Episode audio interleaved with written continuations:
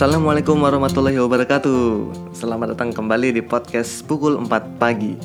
Kita akhirnya sampai di episode kedua. Nah gak nyangka nih Ternyata setelah percobaan pertama kemarin Menciptakan keinginan untuk bisa terus melanjutkan ke episode kedua. Semoga bisa tetap konsisten dari waktu ke waktu untuk nambah lagi episodenya supaya makin bisa bermanfaat. Ya seperti biasa di pagi hari buta ini kita akan bahas tentang berbagai macam inspirasi dan juga pelajaran-pelajaran dari aktivitas sehari-hari dan topik-topiknya mudah-mudahan lekat dengan aktivitas kita sehari-hari. Nah, pada episode kedua ini saya ingin bicara tentang sebuah hal yang mungkin banyak dari kita sudah sering melakukan di dalam keseharian kita, yaitu tentang aktivitas memulai. Saya ingin bicara tentang topik ini sebenarnya di-trigger oleh kejadian beberapa hari yang lalu bersama dengan putri saya, Azima, yang sekarang umurnya hampir lima tahun. Nah, jadi ada satu pagi di mana saya ingin berangkat kerja ke kantor, kemudian ya biasa pamitan sama Azima dan waktu itu saya lagi pakai jaket Bader edisi pertama. Jadi ini jaket yang dikeluarkan dulu tahun 2011 atau 2012. Jadi umurnya itu sudah tujuh tahun lebih dan masih awet. Ternyata bahannya bagus, masih awet. Nah yang lucu itu bukan tentang jaketnya Yang lucu adalah ketika Azima melihat logo Badar pertama di jaket yang saya pakai itu Nah sontak Azima tuh tiba-tiba langsung bilang Wah ada gambar lumba-lumba di jaketnya. Lu di situ saya langsung ketawa. Kenapa saya langsung ketawa? Jadi buat teman-teman semua, logo Badr Interaktif pada waktu pertama kali muncul itu, itu bentuknya adalah seperti penunggang kuda yang sedang mengendarai kudanya, yang sedang berlari. Jadi itu sebenarnya logo kuda yang di atasnya tuh ada orang yang naikin kuda. Nah, tapi entah kenapa biasanya di internal anak-anak Badar tuh seling kita ledekin sendiri logonya. Oh ini logonya lumba-lumba atau ini logonya buaya. Nah saya waktu itu ketawa karena ternyata anak saya sendiri yang umurnya hampir lima tahun juga menganggap logo itu yang saya waktu itu bikin sendiri dengan segenap energi dan jiwa sebagai penunggang kuda dengan kudanya. Ternyata Azima juga menganggap itu sebagai sebuah logo bergambar lumba-lumba. nah, tapi bukan tentang bukan tentang ledekan itu adalah lumba-lumba. Padahal itu adalah kuda yang ingin saya bahas. Yang saya bahas itu adalah jadi saya akhirnya di dalam momen itu teringat kembali masa-masa perjalanan awal saat di mana kita waktu itu masih berjumlah sedikit sekali sehingga akhirnya semua aktivitas yang kita perlu untuk bisa lakukan itu kita handle sendiri. Waktu itu posisi saya memang sudah sampai di shift level sebagai salah seorang pendiri tapi dengan predikat seperti itu itu tidak serta merta membuat saya akhirnya bisa jadi seorang bos bisa jadi seorang yang hanya melakukan hal-hal strategis aja dan bisa mendelegasikan tugas-tugas yang sifatnya itu eksekusi operasional sehari-hari. Nggak kayak gitu. Ya dulu waktu kita masih dikit masih bertiga masih berempat itu semuanya kita kerjain sendiri waktu itu logo ya saya bikin sendiri. Kemudian kalau misalnya ada administrasi bikin surat bikin tagihan ngurus keuangan ngurus pajak melakukan rekrutmen dan lain sebagainya. Itu semuanya kita kerjain sendiri. Jadi tidak ada tuh yang namanya ada orang yang bisa bantuin kita untuk mengeksekusi aktivitas-aktivitas tersebut. Sementara kita melakukan hal-hal yang strategis-strategis itu. Jadi emang kayaknya pada waktu masa awal-awal berjalan ketika kita mau mulai ya selalu berbagai macam hal-hal yang sifatnya itu nggak keren hal-hal yang sifatnya itu kecil hal-hal yang sifatnya itu nggak scalable itu memang akan jadi sebuah sebuah hal yang akan kita lalui sebuah hal yang harus kita kerjakan. Mengotori tangan kita dengan eksekusi-eksekusi yang sifatnya itu menurut kita nggak keren di waktu awal-awal perjalanan. Tapi justru hikmahnya adalah dengan eksekusi-eksekusi yang sifatnya nggak keren dan nggak scalable itu, akhirnya kita memaknai sebuah perjalanan memulai. Karena biasanya banyak sekali orang-orang yang ingin mulai untuk bisa bikin sesuatu, bikin karya, bikin perusahaan, memulai perjalanan, tapi akhirnya nggak mulai-mulai karena memasang sebuah banyak sekali syarat-syarat, predikat dan label-label sehingga akhirnya membuat perjalanan memulai itu jadi sebuah perjalanan yang sangat berat yang sangat susah, yang sangat eksklusif. Padahal perjalanan memulai itu adalah pelajaran perjalanan yang sederhana, perjalanan yang memang bisa dilakukan oleh siapa aja. Dan ternyata hikmah yang lainnya ketika kita memulai dengan kesederhanaan, memulai dengan keterbatasan, memulai dengan hal yang gak keren dan memulai dengan hal memulai dengan hal yang gak scalable, itu jadi sebuah pembelajaran tersendiri buat kita. kita belajar untuk konsisten dan bersabar. Konsisten dan bersabar. Ini dua dua kata kunci ini yang sebenarnya biasanya itu sulit untuk kita lakukan, padahal mudah untuk kita ucapkan. Kenapa sulit untuk dilakukan? Karena dua hal ini yang akhirnya jadi prasyarat seseorang itu mampu mengeksekusi untuk mencapai mimpinya dengan baik atau enggak. Banyak orang bermimpi besar, tapi nggak cukup bisa punya kemampuan untuk konsisten dan bersabar meniti langkah-langkahnya. Biasanya kan perjalanan itu bisa sampai bertahun-tahun atau bahkan berpuluh tahun. Dan perjalanan ini pasti akan penuh dengan ujian. Dan ini ujian-ujian ini hanya bisa dilalui oleh orang-orang yang konsisten dan sabar dan buah dari konsistensi dan bersa dan bersabar itu itu secara pribadi menimbulkan kepuasan tersendiri. Coba kalau misalnya kita simak berbagai macam biografi orang-orang yang telah sukses, biasanya pengalaman-pengalaman yang paling memorable buat mereka tuh biasanya adalah pengalaman-pengalaman pertama yang mereka dapatkan pada saat mereka memulai dengan ketidaksempurnaan.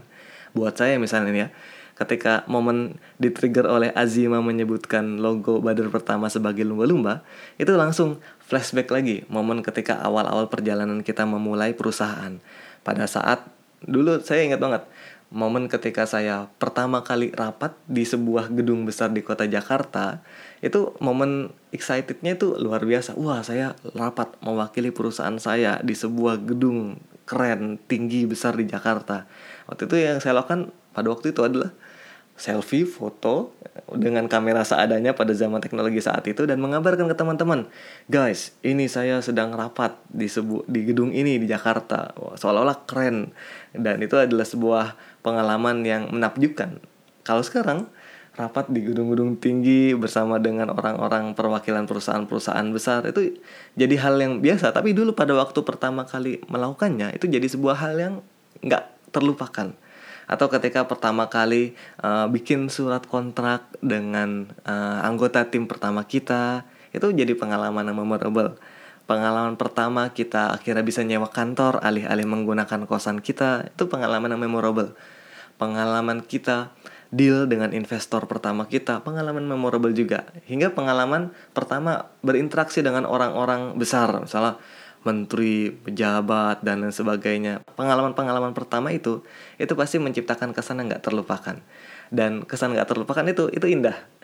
Dan nggak akan seindah itu kalau misalnya kita tidak mau untuk bisa menganggap proses eksekusi-eksekusi yang sifatnya itu sepele, tidak keren dan tidak punya label-label yang mentereng itu sebagai sebuah hal yang memang kita ingin jalani.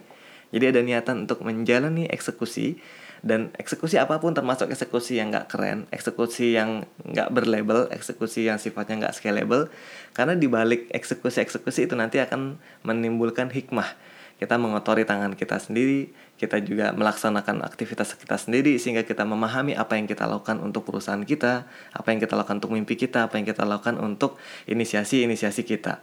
Jadi saran saya buat teman-teman yang sekarang ini lagi punya keinginan untuk memulai langsung mulai aja Kemudian jangan terlalu bikin banyak persyaratan-persyaratan yang bikin kita sulit sendiri untuk memulai karena biasanya kesedihan, tidak bahagianya kita, kekecewaan kita itu kita sendiri yang bikin karena kita membuat syarat-syarat kita untuk bisa bahagia atau menyenangkan.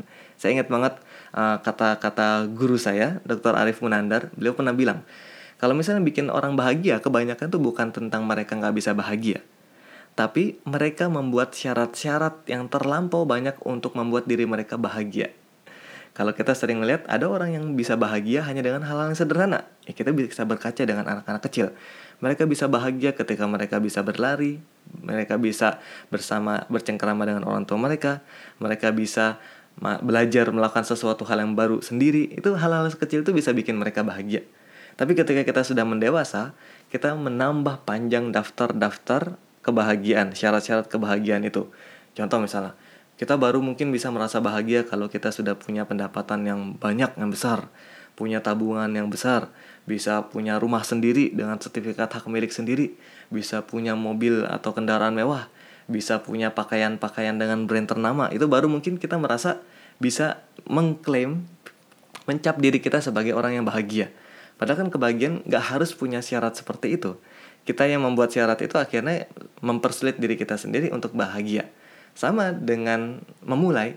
Kadang-kadang memulai itu sederhana, mudah dan bisa dilakukan oleh siapa saja, tapi akhirnya menjadi sesuatu momok karena kita membuat syarat-syarat yang luar biasa banyak untuk bisa membuat memulai itu jadi aktivitas yang memang pantas untuk dilakukan. Kita cenderung terbelenggu oleh berbagai macam standar-standar yang diciptakan oleh orang-orang yang kita tahu di sosial media. Karena sosial media saat ini itu akhirnya membuat kita overload secara informasi.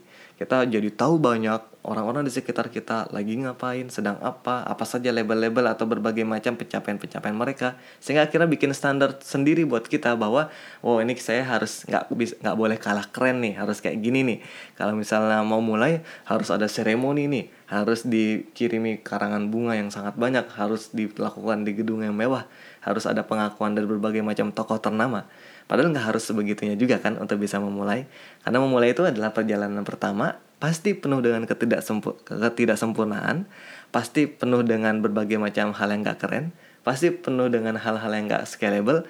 Justru karena itulah ya, membuat hal tersebut begitu menyenangkan untuk dilakukan. Karena itu akhirnya nanti bisa menciptakan kenangan-kenangan buat kita kenang nanti di perjalanan selanjutnya.